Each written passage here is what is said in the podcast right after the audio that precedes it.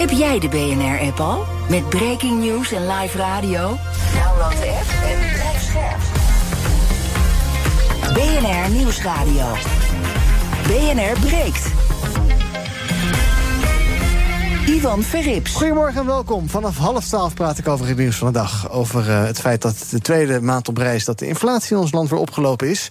Terwijl in landen om ons heen het juist afneemt. En ook de lonen hier zijn flink gestegen. Heeft dat met elkaar te maken? En heeft Oekraïne het recht om doelen op Russisch grondgebied aan te vallen... ter zelfverdediging? Daar zijn de meningen een beetje over verdeeld in het Westen. In mijn, twee, uh, in mijn panelleden vandaag... En nee, in mijn, panel van, in mijn panel vandaag, zo moet ik het zeggen... Kevin Klingspoor, voorzitter van het CDJA. Goedemorgen. Goedemorgen. Fijn dat je er bent. En Anneke Metzger, lid van SER Topvrouwen... en directeur Facility and Projects bij Landal Green Parks. Goedemorgen. Goedemorgen. We beginnen met... BNR breekt. Breekijzer. En dat breekijzer heeft te maken met verduurzaming. Want om de klimaatambities te halen moeten niet alleen jij en ik... en de grote industriële reuzen vergroenen, maar ook MKB-bedrijven. Vandaag is daar een commissiedebat over in de Tweede Kamer... met minister Mickey Adriaansens. Verduurzamen is duur. De MKB heeft net een zware coronaperiode achter de rug. Hoge energieprijzen.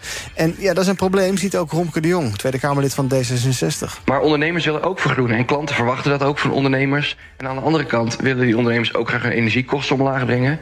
En die ondernemers zien ook kansen. Um, en je ziet ook dat corona is geweest. We hebben hoge energierekeningen. En die ondernemers hebben ook niet altijd geld liggen om dan gelijk nu te investeren.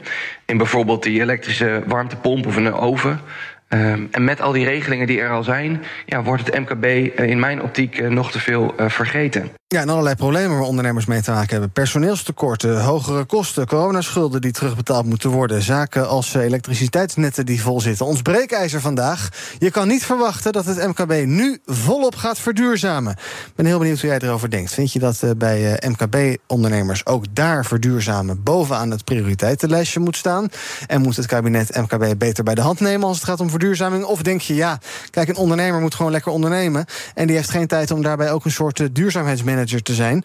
Uh, helaas, pindakaas. Ik ben ook benieuwd naar jouw eigen ervaringen, dus laat van je horen. Reactie op het breekijzer. Je kan niet verwachten dat het MKB nu volop gaat verduurzamen. En deel je eigen ervaringen. 020 468 4 0 is mijn telefoonnummer. Als je nu belt, kom je zo meteen in de uitzending. 020 468 4 0 Je kan ook reageren via Instagram. Daar heten we BNR Nieuwsradio. In de stories kan je van je laten horen. Maar het leukste is even bellen. 020 468 4 0 Zometeen ga ik praten met Rob Jacobs van Lorel Consultancy. Hij helpt MKB-ondernemers bij verduurzaming. Hoor je natuurlijk ook hoe mijn panelleden erover denken. Maar ik begin even bij Hans Biesheuvel van Ondernemers Nederland. We hebben hem ook gevraagd. Een reactie op ons breekijzer. Je kan niet verwachten dat het MKB nu volop gaat verduurzamen. Nou ja, het MKB wil heel graag verduurzamen, maar ze weten vaak nog niet hoe. Het is lastig om het te financieren. Maar er zitten vooral ook heel erg veel uh, ja, praktische dingen in de weg. Uh, netcapaciteit is onvoldoende. Er zijn te weinig handjes om zonnepanelen te installeren. Maar ook de levertijden voor, voor een elektrische bus of een elektrische oven zijn gewoon heel lang. Dus ondernemers willen wel, maar het is heel lastig om het in de praktijk uh, te kunnen realiseren. Was Hans Biesheuvel. 020 468 4 0 als je wil reageren. Je kan niet verwachten dat het MKB nu volop gaat verduurzamen. Ga naar Rob Jacobs dus van Lorel Consultancy. Helpt MKB-ondernemers bij verduurzaming. Goedemorgen Rob. Goedemorgen. Ja, breekijzer. Je kan niet verwachten dat het MKB nu volop gaat verduurzamen. Wat vind jij? Ja, ja en nee. ja, de kleine, eh, dat kunnen we niet verwachten, want de kleine ondernemer is bezig met ondernemen en moet dus die expertise inhuren. Maar die experts die zijn er helemaal niet. En die worden ook al tientallen jaren niet opgeleid. Oh. We leiden alleen mensen op om gestandardiseerde eindrapporten te maken. Ja, dat is, daar ligt wel een beetje een frustratie van mij. Mm En nee, kleine ondernemers praten veel met kleine buurondernemers. Als ze één actie onderneemt, dan weten ze het allemaal. Volgt de rest heel snel. En dan zie je een geweldige olievlekwerking. En uh, ik ben altijd ervan, vele kleine maakt ook grote getallen. Ja. dat vergeten we in de politiek. En daarnaast, wat ik ook heel belang, uh, belangrijk vind, heb ik ook onderzoek gedaan naar, samen met de Nexus en nog een aantal partijen. 50 tot 60 procent van de kleine ondernemers op het bedrijventerrein... die kunnen economisch rendabel verduurzamen.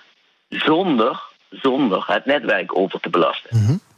En ja, we hebben net al gezegd, het netwerk is een beperkende factor in de energietransitie. Ja. En ik zie niet dat we daar um, actie op ondernemen. Nee, daar gebeurt te weinig dus. Uh, Adriaansens en dus ook uh, ja, ondernemersorganisaties... die maken zich zorgen, bijvoorbeeld Romke de Jong... ook om de financiering. Zeggen van er is veel geregeld voor grote bedrijven... die veel geld nodig hebben. Maar als jij een MKB'er bent en je hebt misschien enkele duizenden... of 10.000 euro nodig, dan is er veel te weinig geregeld. Is dat jouw beeld ook? Nee, vind ik niet. Over het algemeen is het de, als ik kijk wat mijn ondernemers, nou ik heb er duizenden gehad de afgelopen mm 50 jaar, wat ze altijd zeggen, maar wat, er komt iemand mij wat verkopen. En hoe is dat plaatje? Mm Dan ontbreekt het onafhankelijk advies.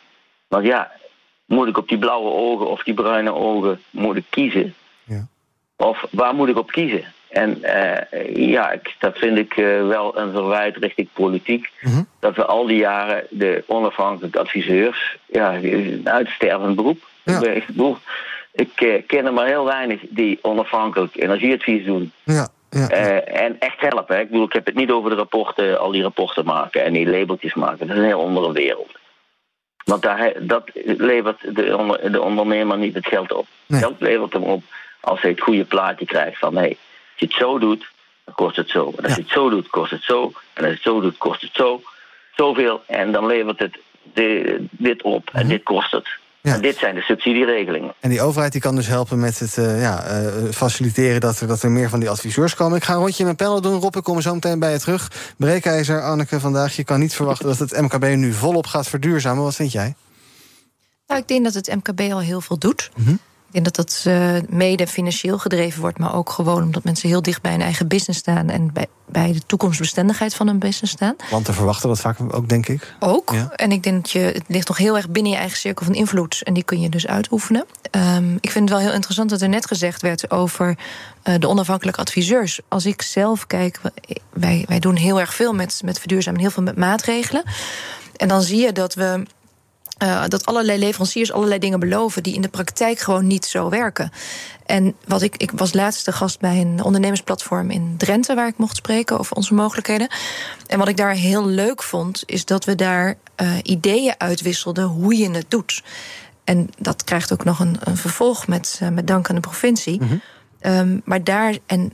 Um, maar door elkaar te helpen en mhm. door dat netwerk te creëren, kun je denk ik echt ook stappen te maken. En daarnaast is het natuurlijk altijd met subsidies of financiering of, of dergelijke. Maar het begint denk ik bij kennis al gewoon, dit heb ik gedaan. Ja.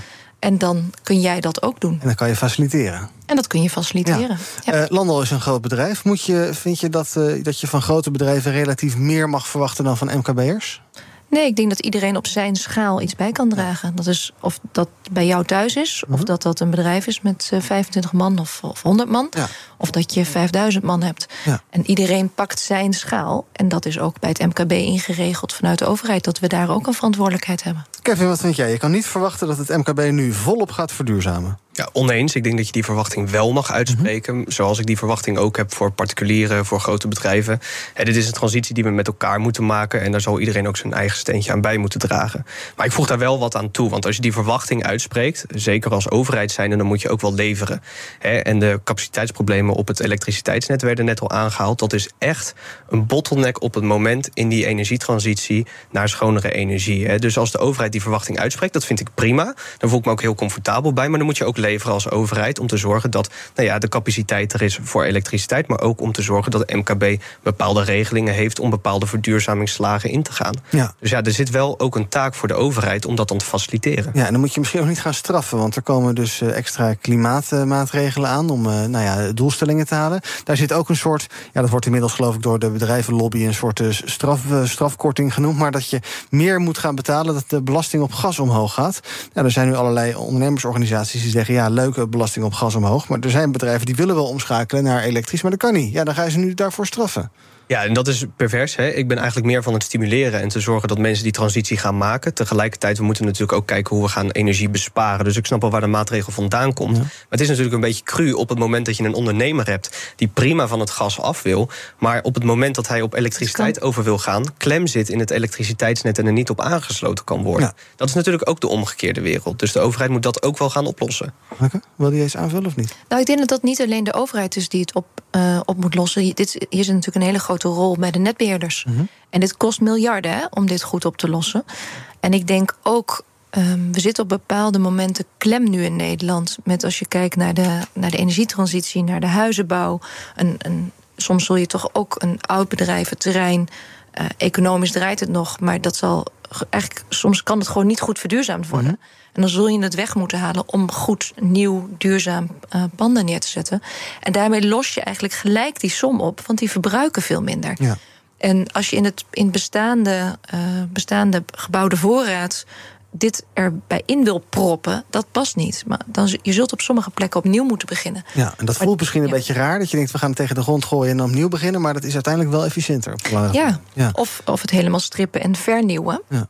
Dat, uh, dat kan natuurlijk ook. Rob, voordat we naar de bellers gaan. Nederland kent zo'n 450.000 MKB-bedrijven in allerlei sectoren. De zakelijke dienstverleningen, bouw, detailhandel, gezondheid, you name it. Is er nou een soort ja, uh, uh, rode lijn te schetsen? Waar, waar zijn de grootste klappen te slaan? Of, of verschilt dat heel erg per bedrijf, per ondernemer, per sector? Ja, ik, ik geloof dat het de, de massa is. En kijk, de, de iets grotere MKB-bedrijven die hebben eigen poppetjes, die hebben hun eigen mensen die dat ook kunnen doen. Maar het zijn net de kleine MKB'ers die steeds eigenlijk, ja, ze moeten ook hun, hun, hun bedrijf runnen. Mhm. hè? En uh, hoe kleiner ze zijn, hoe harder dat, uh, dat runnen de tijd kost. Ja. En uh, wij vergeten daarbij dat je zult ze moeten helpen. Kijk, en over, net over het stroomnetwerk wil ik één ding zeggen. We hebben er tig onderzoeken voor gedaan. Uh, en uh, die wil ik ook iedereen opsturen. Wat je krijgt bij die onderzoeken is, wat ik steeds zie in die onderzoeken is, we gebruiken het bestaande net nog niet voor de helft. Oh. Er zit zoveel ruimte in het bestaande net. Zo, en, en, uiteindelijk, we hebben de, de, mensen niet, we hebben de materialen niet. We hebben, we hebben zoveel dingen hebben we niet om het net uit te breiden. Ja. Maar dat hebben we wel. En dat, dat is iets waarvan ik denk, help. Ja. En we zijn hele bedrijventerreinen, willen we heel grote onderzoeken naar doen. En ik denk, begin gewoon. Ja. Alsjeblieft, begin gisteren. Laat gewoon doen. Maar begin gisteren. En je zult zien wat voor mogelijkheden er zijn. En er zijn zoveel mogelijkheden. En ik zeg altijd, iedereen is bezig met zoveel mogelijk panelen op het dak. Mm -hmm. En vervolgens moeten er hele dikke accu's komen, er moet er waterstof komen, er moet er van alles komen. En misschien is het wel handiger om te zeggen, we leggen het dak maar voor 60% vol. Ja, ik, ik, zie Kevin hier een beetje wanhopig kijken, Kevin. Ja, kijk, als ik de kaartjes van netbeheer opzoek... en ja. die kende ik ook een beetje uit mijn hoofd... dan is die kaart bijna rood gloeiend. Die is gewoon uh, vrij op te zoeken op, uh, op internet. Ja, sommige provincies kijk, kijk, ik, ik, snap, ik snap, maar het, het, heeft natuurlijk ook met ons gebruik te maken... en de pieken die we hebben. Ja. En ja, je kan een net gebruiken... wat voor de helft misschien in zijn totale capaciteit gebruikt wordt. Maar ja, dat komt omdat twee derde, drie vierde... weet ik hoeveel procent van Nederland... tussen, tussen 12 uur s'nachts en 6 uur s ochtends helemaal niks doet. Ja, maar daar zijn misschien nog wel uh, klappen te slaan in ieder geval. Ik ga even naar een paar bellers toe. Uh, Rob, kom zo bij je terug. Alain, goedemorgen. Goedemorgen. Ons breekijzer, je kan niet verwachten dat het MKB nu volop gaat verduurzamen. Wat vind jij? Uh, ja, je kan in ieder geval ergens beginnen, dacht ik. Je gewoon klein beginnen en vanuit daar uh, verder gaan. Ja, waar beginnen dan? Ja, dat is wel een goede vraag. uh, ja, met, met de LED-lampen. Ja. Oh, dat is te klein. Ja, nee, weet niet. Uh, als, je, als je die nog niet hebt, dan zou ik dat zeker doen. Dat scheelt. Die heb je geloof ik binnen een paar maanden al terugverdiend ook. Dat is, maar hoe, uh, hoe ben je daar zelf mee bezig? Uh, ja, ik ben er zelf wel mee bezig. Ja. tenminste, ik, ik zit zelf ook in, in, de zonnepanelen en zo. En ik verkoop zelf ook duurzame artikelen inderdaad. Dus zelf ja, ben ik mee bezig inderdaad. Dankjewel voor het bellen, Anne. Fred, goedemorgen. Goedemorgen. Uh, met Fred uit, uit Den Bosch. Ja, zeg het eens. Ja, uit Den Bosch. En Den Bosch. als ik even Eindhoven en Den Bosch met elkaar vergelijk... dan is Eindhoven uh, uh, beter op weg om te verduurzamen. Ja. Neem bijvoorbeeld de grote Albert Heijn XXL... die vier, vijf jaar geleden is gebouwd. Die is echt gericht op verduurzaming. En... Zij, zij uh, gaan heel goed om met, uh, met, met, met, met, met, met de grondstoffen. Mm -hmm. En als je kijkt naar de romperts in Den Bosch, waar ik regelmatig kom, ja. dan zeg je nou dat winkelcentrum moet eigenlijk plat. want, en opnieuw worden opgebouwd. Ja. Want zij verspillen een heleboel energie. Ja, eigenlijk ben je doorgaans best positief over Den Bosch, maar wat dit betreft dan weer niet zo dus. Nee, ik ben op dit moment niet zo positief over Den Bosch, over de verduurzaming. Nee, nou, dat, dat, is, daar zijn nog klappen te slaan. We gaan volgende week horen hoe het met andere onderwerpen staat met Den Bosch. Dankjewel, Fred, voor het bellen. BNR breekt. Ivan Verrips. Toch wel fijn hoor, zo'n dagelijkse update uit Den Bosch. Ons breekijzer vandaag. Je kan niet verwachten dat het MKB nu volop gaat verduurzamen. Als je wil reageren en ook vooral als je je eigen ervaringen wil delen... pak je telefoon en bel nu 020 468 4 keer 0 Dan praat je zo meteen nog gemeen in de uitzending... ergens in de komende 7 minuten. 020 468 4 keer 0 In mijn panel vandaag Anneke Metzger, lid van SER Topvrouwen... directeur Facility and Projects bij Landal Green Parks... Kevin Klingspoor, voorzitter van het CDJA... en ook bij me is Rob Jacobs van Lorel Consultancy... Hij helpt MKB-ondernemers bij verduurzaming. En we praten dus over het breekijzer. Je kan niet verwachten dat het MKB nu volop gaat verduurzamen. Rob, ik had het al eventjes met je over uh, de financiële uh, arrangementen die er zijn. Waar onder andere D66 zich zorgen om maakt voor het MKB. Nou, als je even gaat kijken, dan zijn er best wel pakketten. Je hebt een subsidieregeling verduurzaming MKB. Je hebt de BMKB Groenregeling, waarmee ondernemers tegen een verlaagde rente geld kunnen lenen. Ehm, daar was jij best tevreden mee, begreep ik, hè? Kan altijd meer. Ja. eerlijk gezegd. Uh, ja, maar wat er vaak is, dat de regeltjes zo zijn dat je er net buiten valt. Nou, okay. kan je één ding vertellen. Als je een uh, eh, MKB'er over de, netjes, over de rode wil hebben, mhm. dan is het wel dat hij bijvoorbeeld de subsidieregeling een dag te laat heeft ingediend en gelijk niet krijgt. Of dat zeggen, nee, dat valt er niet buiten, valt er niet in, et cetera. Dan denk ik, alsjeblieft, overheid, knijp een oogje dicht. Ja, en doe wat makkelijk, doe er niet zo moeilijk over. Ja, het is, ik bedoel, het laat een ondernemer, die krijgt dat subsidie. Het ene jaar gebruikt hij 47.000 euro, het andere jaar 51. En bij 50 ligt de grens, 15.000 kilowattuur. Uh En dan moet hij de ene keer, krijgt hij 2.500 euro subsidie. Levert hij het andere jaar in, dan moet hij een EED-rapport van 3.000, 4.000 euro maken. Ja. Hebben we, snappen we nog? Ik niet meer. Nee, nou Anneke, dat is natuurlijk gekmakend. Dat je door allerlei hoepels moet springen terwijl je intenties zijn goed. En je wilt dingen gaan doen die ook daadwerkelijk aantoonbaar goed zijn. Maar dan, dan ja, kom je dus weer in het woud van de overheid terecht. Dit is heel herkenbaar. Ja. Het is uh, de, de last om een, om een subsidie aan te vragen. En ik, ik weet dat er alle goede intenties zijn, hè? Maar voordat je de subsidie aangevraagd hebt, eh, de periode dat je hoort of je de subsidie krijgt, en vervolgens het, alle bewijslast die je moet leveren binnen bepaalde termijnen, dat is echt heel, uh, dat is echt heel moeilijk. En dat is ook vaak dat je daardoor niet meer, niet meer durft. Want voor hetzelfde geld krijg je hem niet. En uh, vaak wil je iets op een bepaald moment. Heb je een bepaalde deal die je kunt. Uh, nou, stel dat er een, over, een goede overlangs komt, dan mhm. wil je die graag uh, op dat moment kopen. Nou, de, die offerte is misschien een week geldig. Ja. En dan, of je houdt hem nog even voor je vast. Maar ja, zo snel kan die overheid niet schakelen. Dus je ziet dat gewoon, die, die, regels zijn zo ontzettend complex. En het zou zo helpen als dat makkelijker is. En die bewijslast in één systeem zit in plaats van in tien. Lijkt me vrij demotiverend. Ik kijk even naar de politicus in ons midden. Kevin, kan dat niet veel beter? Dat we, ja, eh, dat niet zo'n demotiverend... Uh, ik, ik, weet ook, die uitvoeringsorganisaties hebben het allemaal moeilijk. Dat is zo, maar dit moet toch beter kunnen? Ja, kijk, en dan kom je in een balans. Hè, in hoeverre hè, de goede intenties wil je daar recht aan doen. Maar je wil natuurlijk ook zorgen dat het geld rechtmatig uitgegeven wordt. En dat is een constante balans. Diezelfde frustratie zie ik overigens ook bij particulieren.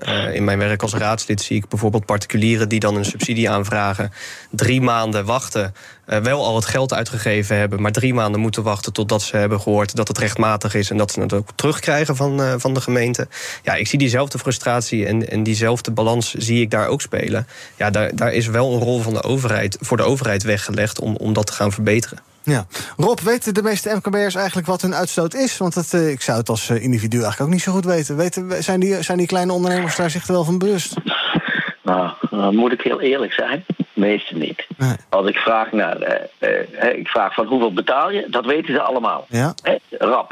En dan zeg ik hoeveel kuub is het en hoeveel kilowattuur. ja, dan stuur ik je gelijk op. Nou, dan moet ik meestal één of twee, drie dagen wachten.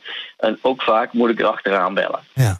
En te horen, kijk, wat wij vergeten is, denk ik, in, in de hele energietransitie. Wat doen ondernemers? Mhm. Boekhouding besteden ze uit. Een, een, een wagenpark besteden ze uit. Eh, het schoonmaak besteden ze uit. Mhm. En eigenlijk willen ze duurzaamheid, verduurzamen, willen ze ook uitbesteden, want het is geen core business. Ja. En, uh, en dat is eigenlijk iets, dat is voor de meneer van de politiek. Dat kwartje moet daar vallen. Ja, dat en, dat het mogelijk maakt.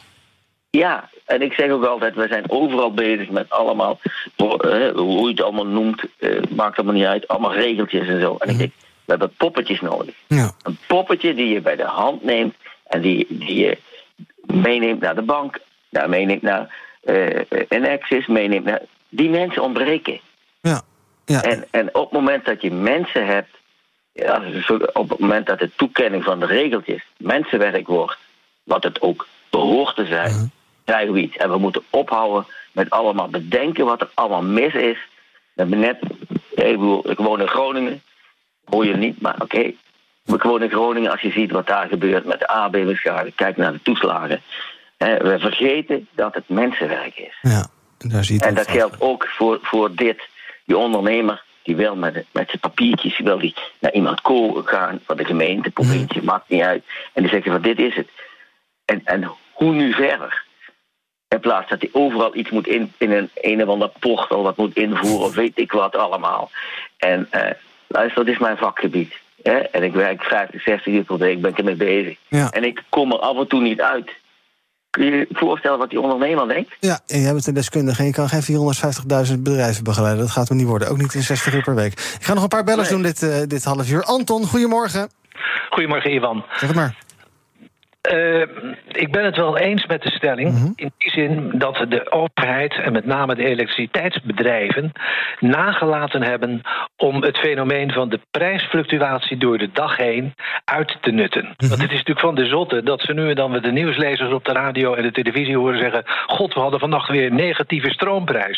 Dan denk ik bij mezelf: ja, dat hoeft helemaal niet als je zorgt dat je die stroom dan ook s'nachts gebruikt. En mhm. daarvoor dat helpt als de overheid en de energiebedrijven dan ook die tarieven op die manier doorgeven. Er zijn een paar bedrijfjes die dat doen, maar dat is nog eigenlijk een niche. En als je hier groots op in gaat zetten, dan krijg je dus ook een betere benutting van het elektriciteitsnet. En dat sluit ik aan bij een van je eerdere sprekers die zei: er zit eigenlijk voldoende ruimte in dat net, maar je moet het gebruiken. En dat heeft weer te maken met ja, eh, stroperige regelgeving. Dus ondernemers kunnen wel, maar de elektriciteitsbedrijven en waarschijnlijk dus de wetgever, de elektriciteitswet, die moeten zorgen dat er een veel beter benut wordt van al die uh, zonnestroom en windstroom die er op sommige momenten is. Dankjewel Anton voor het bellen. Tot slot in dit half uurtje Frodo. Goedemorgen Frodo.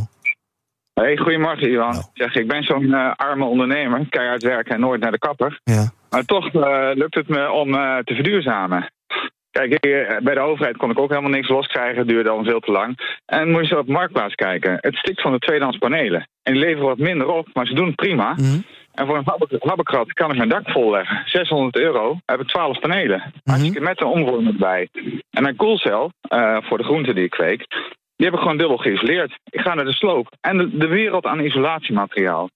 Het is gewoon niet kijken wat niet kan, maar er kan er gewoon een hele hoop. Frodo, even meegeven. dankjewel voor het bellen. Tot slot, Kevin, je ziet ook eh, regelmatig uh, op uh, sociale media en dergelijke commentaren voorbij komen als minister Jette weer iets heeft gezegd in de zin van we moeten allemaal de temperatuur, de thermostaat een graadje te lager draaien. Dan zeggen mensen, joh, ga eerst eens lekker Tata Steel aanpakken. Dat kan, zou ik me ook kunnen voorstellen als je MKB'er bent. Dat je denkt van, joh, ga eerst even lekker die grote reus aanpakken voordat wij een procentje minder moeten gaan uitstoten. Ja, hoe goed bedoeld ik die opmerkingen van minister Jette ook vind. ik snap die, die, die argwaan wel. Hè. we gaan natuurlijk ook niet de oorlog winnen als we allemaal de thermostaat een gaatje lager zetten. Dat is echt een minieme impact. Um, maar tegelijkertijd zeg ik ook, zoals ik aan het begin zei, ja, ik verwacht wel van alle delen van de samenleving, particulieren, MKB, eh, maar ook grote bedrijven, eh, hun eigen bijdrage bij, dit, eh, bij deze transitie, die zullen, die zullen we gewoon met elkaar moeten maken. En dan is er dus ook een rol voor de overheid, nou, die bijvoorbeeld sectorspecifieke afspraken kan maken. Eind vorig jaar werd met de glastuinbouw, nou, dat is dan mijn gemeente, mhm. voornamelijk afspraken gemaakt over extra reductie van, van CO2 en energiebesparing en verduurzaming in die sector. Nou ja, kijk, zo kan ik me ook voorstellen dat je binnen het MKB, er zit natuurlijk ontzettend veel diversiteit aan bedrijven, dat je daar sectorspecifieke afspraken mee gaat maken. Ja, Eén praktijkvoorbeeldje nog, Anneke. Vanaf 1 juli uh, werd, maakte vanochtend het ministerie van... Oeh, dan moet ik even kijken welke het was. Nou, ik geloof INW, maar dat denk ik niet. Maakte bekend dat je uh, vanaf 1 juli extra moet gaan betalen... voor wegwerpbekers en wegwerpbakjes met plastic. En dat moet apart op bonnen vermeld komen te staan. Bedrijven moeten hernieuwbare alternatieven aanbieden, hergebruiken. Ja, ik kan me voorstellen, dat is allemaal goed bedoeld... maar het is ook administratief ook, ook weer een enorme last. Dus dat gaat best wel ja, in de papieren lopen, denk ik. Dus, ja, ja, ook die moet een systeem. Ja. Um, maar wat je daar wel ziet, wat ik daar.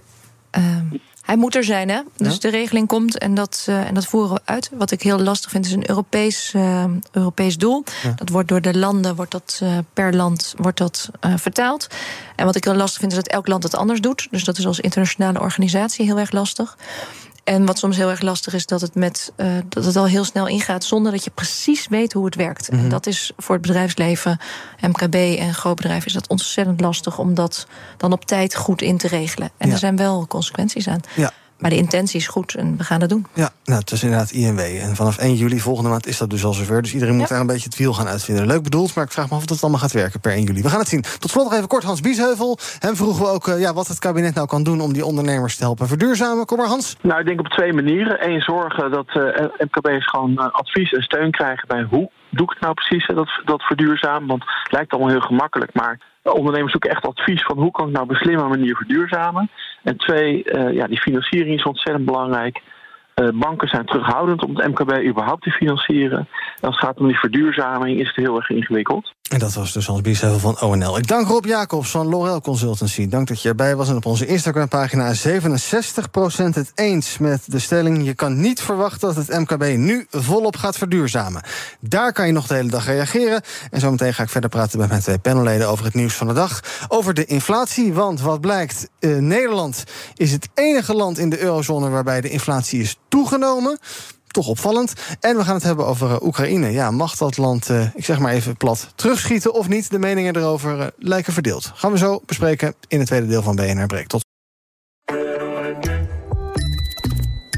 Het Eneco Klimaatreport van deze week komt uit Amsterdam. Ik ben Pascal en ik sta hier met de oprichter van Wikkelhuis op de werkplaats. Oep, wat zie ik hier? Ja, je ziet allemaal huisjes. En welke rol speelt energie-efficiëntie in jullie ontwerp- en bouwproces? We bouwen alleen maar met hernieuwbare materialen. Maar het leukste is dat we eigenlijk uh, zonne-energie gebruiken voor onze elektriciteit. We hebben duizend zonnepanelen op ons dak van de werkplaats. Duizend zonnepanelen, dat zijn er een hoop. Ik kan me voorstellen dat er veel stroom vanaf komt. Ja, er komt een enorme bak met stroom uit. En soms in de zomer is dat ook te veel. En daarom werken we samen met uh, Eneco, met het uh, opwek optimaal systeem. En wat doet dat systeem? Een soort dimmer. Dat als er te veel stroom is, dat je dat zeg maar wat terug reguleert, zodat er geen netcongestie ontstaat. Want dan zou alles vastlopen. Uh, juist de balans op het energienetwerk. Ja, precies.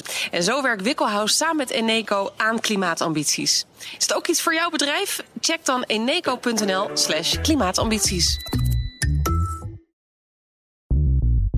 Bij BNR ben je altijd als eerste op de hoogte van het laatste nieuws. Luister dagelijks live via internet. Jelle Maasbach. Wesley Weert. We zijn er voor je met het leukste, opvallendste, maar natuurlijk ook het belangrijkste nieuws. Tijdens de presentatie van die halfjaarcijfers toen die beurskoers in elkaar kukkelde. BNR Beurs. Voor de slimme belegger. Blijf scherp en mis niets. Blijf scherp. BNR Nieuwsradio. BNR breekt. Ivan Verrips. Welkom terug in mijn panel vandaag. Kevin Klingspoor, voorzitter van het CDJA... en Anneke Metzger, lid van SER Topvrouwen... en directeur Facility and Projects bij Landal Green Parks. En wij gaan praten over het nieuws van de dag. Te beginnen met uh, de inflatie. Want voor de tweede maand op rij is vorige maand de inflatie gestegen... naar 6,1 procent als je kijkt op uh, de Nederlandse rekenmethode... en 6,8 procent als je kijkt naar de Europese rekenmethode.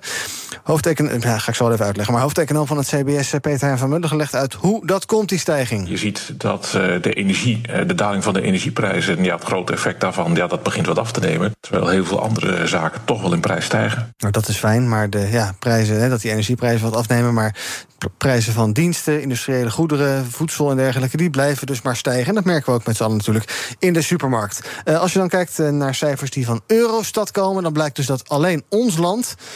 eh, vorige maand van alle eurolanden te maken had met een hogere inflatie dan de voorgaande maand. Bijna overal stegen dus eh, de prijzen minder hard dan in april. Dat is toch wel opvallend. Tegelijkertijd horen we berichten van de AWVN, de Algemene Werkgeversvereniging Nederland, dat de lonen in de nieuwe cao's vorige maand ontzettend hard zijn gestegen, met gemiddeld bijna 8 procent. Terwijl we ook al de berichten hebben gezien van Klaas Knot van de Nederlandse Bank van onlangs. Die zei, nou, 6, 7 procent is toch wel een beetje de max. Vorige maand was het dus 8. Uh, ja, dit baart toch wel zorgen, denk ik. Er worden allerlei uh, zaken gedaan om uh, die inflatie een beetje te temmen. Denk aan renteverhogingen enzovoorts. Maar het lijkt nog niet echt te lukken, Anneke. Klopt. Het is echt uh, het is heel veel. En daarmee hou je denk ik ook de kostenbasis in stand. Dat je gewoon, uh, ja, hoe meer de kosten opleggen, hoe meer de prijzen omhoog gaan. En uiteindelijk krijg je daarmee dus weer inflatie en ja. dus weer meer uh, behoefte aan hogere lonen. Wellicht kun je iets doen met de manier waarop lonen uh, gestegen worden. Dat je aan de onderkant meer laat stijgen, aan de bovenkant meer. Ja. Of minder. Dat is natuurlijk ook relatief gezien. Een, een hoog percentage op een, op een lager loon is misschien 100 euro. Mhm. Mm -hmm. En op een, uh, een kleiner percentage is dan ook 100 euro voor ja. de hogere lonen. Misschien kun je hem op die manier anders gaan opbouwen. In ja. plaats van iedereen precies hetzelfde. En toch best wel veel. Ja, dat gebeurt nu ook een beetje. Dat wordt geniveleerd in die cao's. Terwijl dat vroeger ja. eigenlijk een, Het gebeurde gewoon niet. Maar sinds nou ja, een jaar of iets dergelijks zie je dat steeds vaker, uh, vaker uh, komen. Um, ja, ik word er een beetje bang van als ik dit hoor, Kevin. Eigenlijk dat ik denk van, goh, we wilden toch ooit terug naar die 2% inflatie. Uh, ik snap dat iets kan ontploffen en dergelijke... en dat het dan uh, niet zo lekker gaat. Maar dit duurt wel heel lang inmiddels. Ja, klopt. Uh, en je moet voorzichtig zorgen gaan baren. het is nog geen reden voor enorme alarmbellen... maar je moet wel op gaan letten. Kijk, je moet op gaan letten dat er straks natuurlijk geen loonprijsspiraal gaat ontstaan. Hè? Dat we de prijzen omhoog gooien door inflatie... dat er weer grotere looneisen komen. En vandaar die voorzichtigheid, die wordt geuit als het gaat om, om hogere looneisen. Want ja, inderdaad, zoals je zegt, 7,5% was het volgens mij vorig jaar, vorige maand april. Uh, ja, de, de, de inflatie valt daar dan toch onder met 6,8 of 6,1 procent. Mm -hmm. uh, dus daar moeten we heel erg goed op uitkijken. Tegelijkertijd, de ECB zal ook iets met de rente waarschijnlijk weer gaan doen. Daar hoef je ook niet gelijk um, nou ja, draconische maatregelen te nemen. Um, interessant is wel in het hele pakket, en, en daar kan ik mijn vinger nog niet helemaal op leggen, is waarom Nederland eigenlijk zo de vreemde eend in de bijt is als je het vergelijkt met andere Europese landen. Ja. ja, misschien hebben we het de vorige twee maanden beter gedaan dan andere Europese landen. Dat kan hoor. Maar uh, nou ja, ik ben daar nog eigenlijk zoekende naar een verklaring. Ja, ik geloof dat economen daar ook nog niet helemaal uit zijn. En dat dit is een snelle raming van het CBS vandaag. Uh, er komen over dan uh, nou, 1, 2 weken komen er uitgebreidere cijfers. En dan zullen economen er ongetwijfeld in gaan duiken en kijken hoe dat komt. Maar het blijft dus wel een vrij zorgelijk verhaal. Overigens, als we nog even kijken naar die lonen. gemiddeld dus 8% vorige maand erbij. wat dan wel opvallend is, is dat bijvoorbeeld personeel in verzorgings- en verpleeghuizen en in de gehandicaptenzorg, die hebben bijvoorbeeld nog geen loonsverhoging toegezegd gekregen. Terwijl het mensen zijn die niet helemaal aan de bovenkant zitten van het loongebouw. Uh, ja, dat is toch ook wel, zorgelijk. Dat misschien de, de, verkeerde groepen, dat daar dan nog geen, geen goede afspraken zijn gemaakt, Anneke. Dat is denk ik afhankelijk van wanneer de cao's lopen. En sommigen hebben gewoon nog een lopende cao die bijvoorbeeld volgend jaar uh, zomer afloopt. En die zijn weer later gesloten. Dat is natuurlijk dat is normaal. Dat is elke keer krijg je. Ja, je elke... kan niet elke maand aanpassen. Nee, nee. nee. En dat, je maakt afspraak voor twee of drie ja. jaar. En ook gedurende een jaar, in, bijvoorbeeld als je kijkt naar de, de schoonmaakbranche, is nu, heeft nu een, een, forse stijging te pakken. Die gaan ook uh, die gaan met terugwerkende kracht uh, gaan die, uh, gaan die verhogen. Want mm -hmm. de, eigenlijk liep de CO langer. Wat je daar ziet, is dat. Um, je hebt dan die stijgingen te pakken, maar je hebt natuurlijk prijsafspraken gemaakt met je klanten. Mm -hmm. En dat maakt het natuurlijk soms heel lastig om dingen ook tussentijds te verhogen. Ja. Van, je hebt afspraken gemaakt met de verzekeraars. Dus in die zin is natuurlijk 1 januari heel, een heel logisch moment. En je hebt natuurlijk dan vaak nog in dat komende jaar. Mhm. Mm -hmm. Er zijn er nu die echt wel in het, in het lopende jaar verhogen. En dat geeft denk ik heel wat, uh, wat interessante gesprekken aan, uh, aan opdrachtgever, opdrachtnemerstafels. Ja, oké, nou, we gaan het volgen. Als die cijfers er uitgebreid zijn, dus van het CBS, die uh, in-depth cijfers, hebben we daar uiteraard ook veel aandacht voor hier op BNR. Dan naar Oekraïne. vannacht weer aanvallen op Kiev. Drie doden daarbij. Intussen ook meldde de gouverneur van de Russische oblast Belgorod... dat er afgelopen nacht ook uh, Shebekino is beschoten, volgens hem door Oekraïne. Daar zouden ook gewonden bij gevallen zijn. Gisteren was er ook al een aanval op deze stad. We hebben drone-aanvallen op Moskou gezien. Dat zijn dus inderdaad ja, uh, aanvallen op Russisch grondgebied. Informatie daarover moet je altijd een beetje met een korrel zout nemen. Want ja, zowel informatie uit Moskou als informatie uit Kiev zou je misschien kunnen zien als een soort oorlogspropaganda. Maar oké, westerse landen die zijn een beetje verdeeld over de vraag of Oekraïne Rusland mag aanvallen bij wijze van verdediging. Je hebt een paar lijnen. Je hebt de Amerikanen die zeggen moeten we absoluut niet willen dat de Oekraïners Russisch grondgebied aanvallen. Op andere landen zie je ja, een beetje een wisselend beeld. De Britse minister van Buitenlandse Zaken, James Cleverly, liet gisteren weten dat hij daar niet per se tegen is en dat hij dat misschien wel vindt kunnen. Dat de Oekraïners ook in Rusland, nou, wat hier en daar wat speldenprikjes uitdelen. En de Duitse overheid, die blijkt er ook niet meer op tegen te zijn. Kevin, wat vind jij? Ja, laten we met dit onderwerp enige voorzichtigheid ja. trachten uh, in te nemen. Kijk, als het goed, bijvoorbeeld gaat u noemen die droneaanvallen op de stad Moskou. Ja, beide kanten die wijzen naar elkaar van, nou ja, ja. die heeft het gedaan. Um, en het is ook nog niet zo, uh, want Zelensky heeft altijd aangegeven... bij ons eindigt deze strijd bij de Oekraïnse grens... als het gaat om land. Uh, tegelijkertijd, en dat zie je eigenlijk een beetje... in de reacties die, die Duitsland en het Verenigd Koninkrijk geven... ja, op het moment dat je militaire doelen net over de grens kan raken... omdat een, een drone de grens overvliegt... of weet ik veel wat ergens opgeslagen ligt... dan kan ik me voorstellen dat zij daar nog enige coulance voor bieden. En als ik voorzichtig de woorden van Biden lees uh, en de Verenigde Staten. En de toezeggingen van Oekraïne om in ieder geval niet Amerikaanse wapens daarvoor te gebruiken. Mm -hmm. Zeggen de Amerikanen eigenlijk een beetje een soort van: nou ja, we vinden het prima als je het maar met andere wapens doet dan de onze. Ja, en zeggen daar maar niet te veel over. Die Oekraïners zeggen daar ook niet zoveel over. Nee. Hè? Die uh, maken dan alleen maar een beetje meesmuilende opmerkingen van: ja, wij weten van niks, maar het komt ons eigenlijk best wel goed uit. Uh, wat vind jij, Anneke? Het is het kan wel gevaarlijk zijn. Ik denk dat we een hele nieuwe fase gaan zien in de oorlog als dit gaat gebeuren. En dat ook het risico wat we hebben weer toeneemt.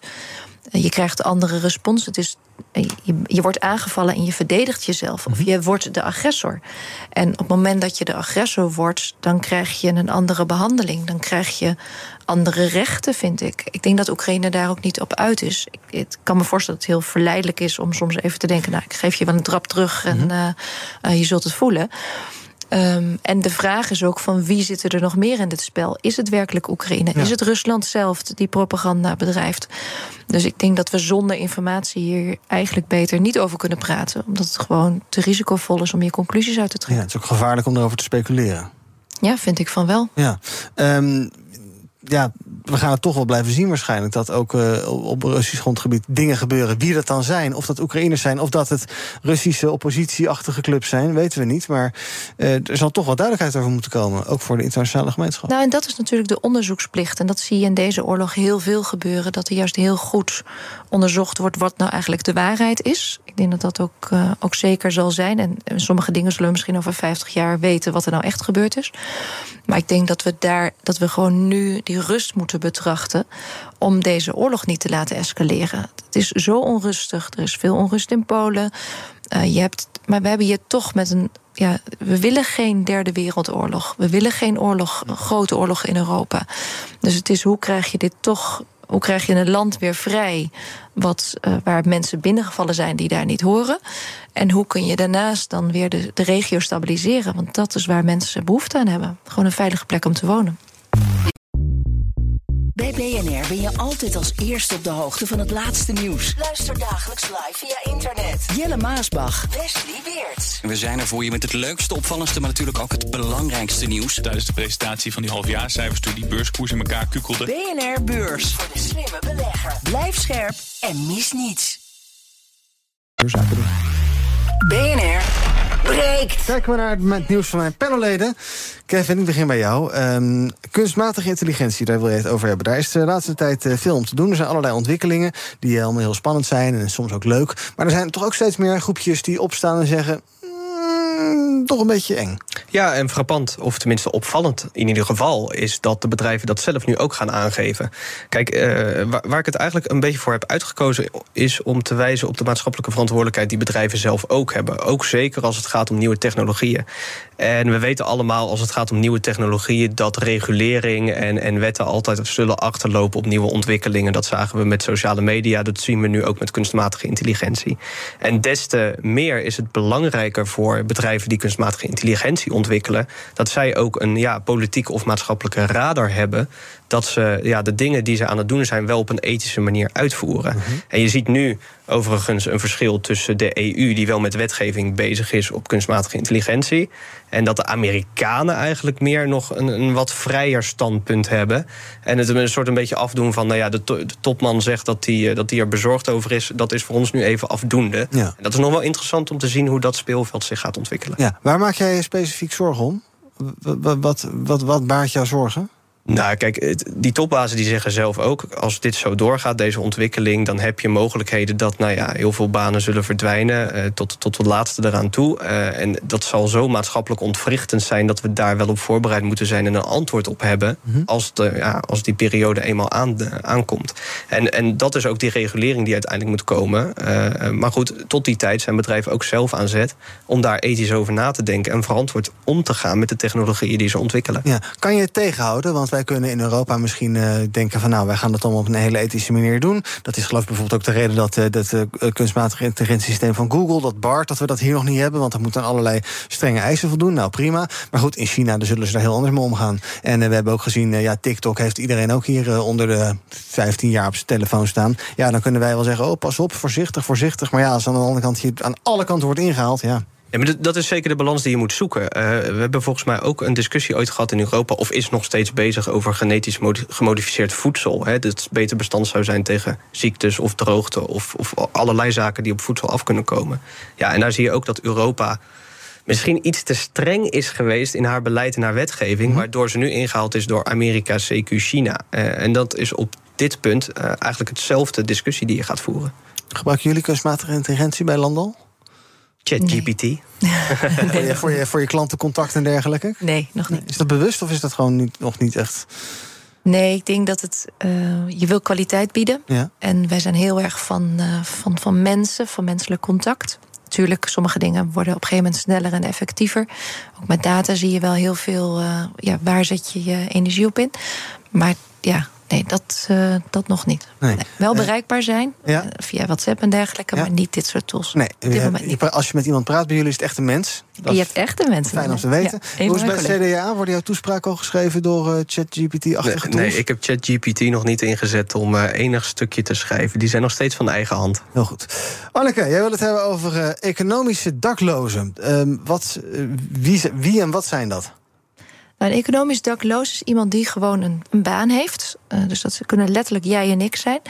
Ehm, en bijvoorbeeld doordat ik, eh, stel dat ik in een scheiding zou terechtkomen en dat ik een plek nodig heb met mijn dochter, dat ik op dat moment niet meer een huis kan vinden. Dus ik ben zelfredzaam, ik kan gewoon mijn broek ophouden. Ik ben, eh, ben wie ik ben, maar toch lukt het ineens niet meer. Ja.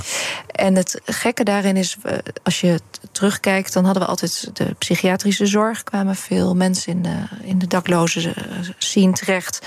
En vanuit ehm, eh, zeg maar eigenlijk de verslavingsproblematiek, dat is echt de traditionele groep. En nu ineens heb je een groep die, die eigenlijk gewoon. eh, die nog wel een netwerk heeft. Dus soms ook gewoon op de bank of in, op, op, als iemand op vakantie is in een huis zit. En ik werd laatst heel erg geraakt door een verhaal. Dat was een, een, was echt een sterke vrouw, ze, een mooie functie, eh, twee dochters. Maar die zit in deze situatie. Die heeft drie jaar lang anti-kraak gewoond.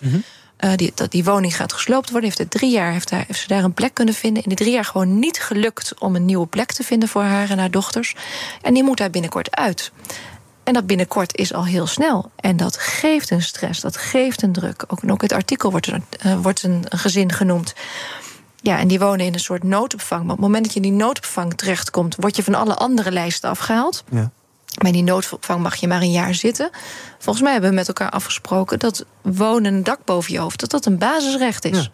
En daar zullen we echt wat aan moeten doen. Want deze groep, ik vind het echt ontzettend schrijnend. En door stress gaat het gewoon niet goed met, met, met mensen, met hun gezondheid. Kun je op je werk niet goed presteren. Deze kinderen moeten dit maar even dealen en nog even op school. Nou, eh, in het artikel werd ook genoemd dat, dat een dochter dan langer in de bibliotheek blijft zitten om een een, nog een, een fijne plek te hebben. Ja, een warme plek. Ja, ja dat is toch gewoon niet oké. Nee. Gisteren was er het nieuws dat uh, bij de uh, schuldhulpverlening... dat daar steeds meer mensen aankloppen. Ook mensen met een uh, wat hoger inkomen... die, ik zeg maar even, gewoon een modaal inkomen hebben... of zelfs bovenmodaal, die dus ook in de problemen raken. Wat zegt jou dat?